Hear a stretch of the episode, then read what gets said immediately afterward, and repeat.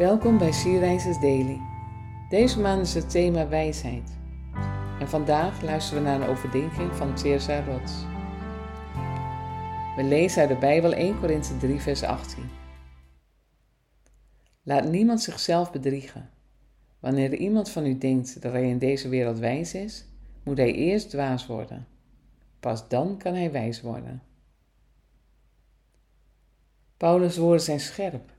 Blijkbaar kun je denken dat je wijs bent, maar toch niet wijs zijn. Waar zit dat hem in? Er is een verschil tussen wereldse en hemelse wijsheid.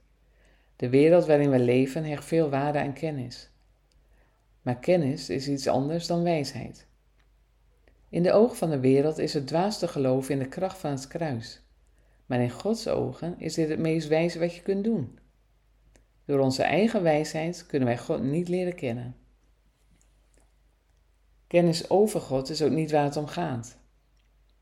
Het gaat om een relatie met God. Het evangelie kan dwaas lijken. God die zijn kracht in zwakheid toont. Ja, dat is onze God. Hij werd kwetsbaar, net als jij en ik. Maar uiteindelijk overwon hij alle zonde, alle gebrokenheid en verdeeldheid. De weg naar God werd vrij. Wat een prachtig plan heeft God in al zijn wijsheid voor de wereld bedacht. Als jij je persoonlijk verbindt met het evangelie van Jezus Christus, dan ben je echt wijs.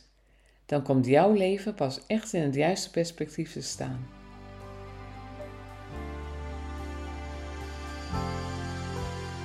Heb jij je verbonden met het evangelie van Jezus Christus? Heb jij hem aangenomen als jouw persoonlijke verlosser? Wat ben je wijs?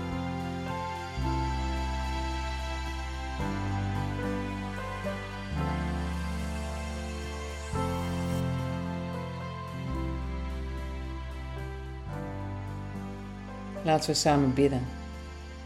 Grote God, wilt u mij uw wijsheid geven? Help mij te leven vanuit uw perspectief. Amen.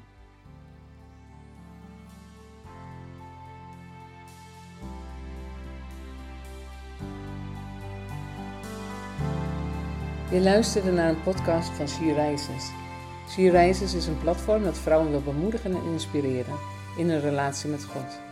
Wij zijn ervan overtuigd dat het Gods verlangen is dat alle vrouwen over de hele wereld Hem leren kennen.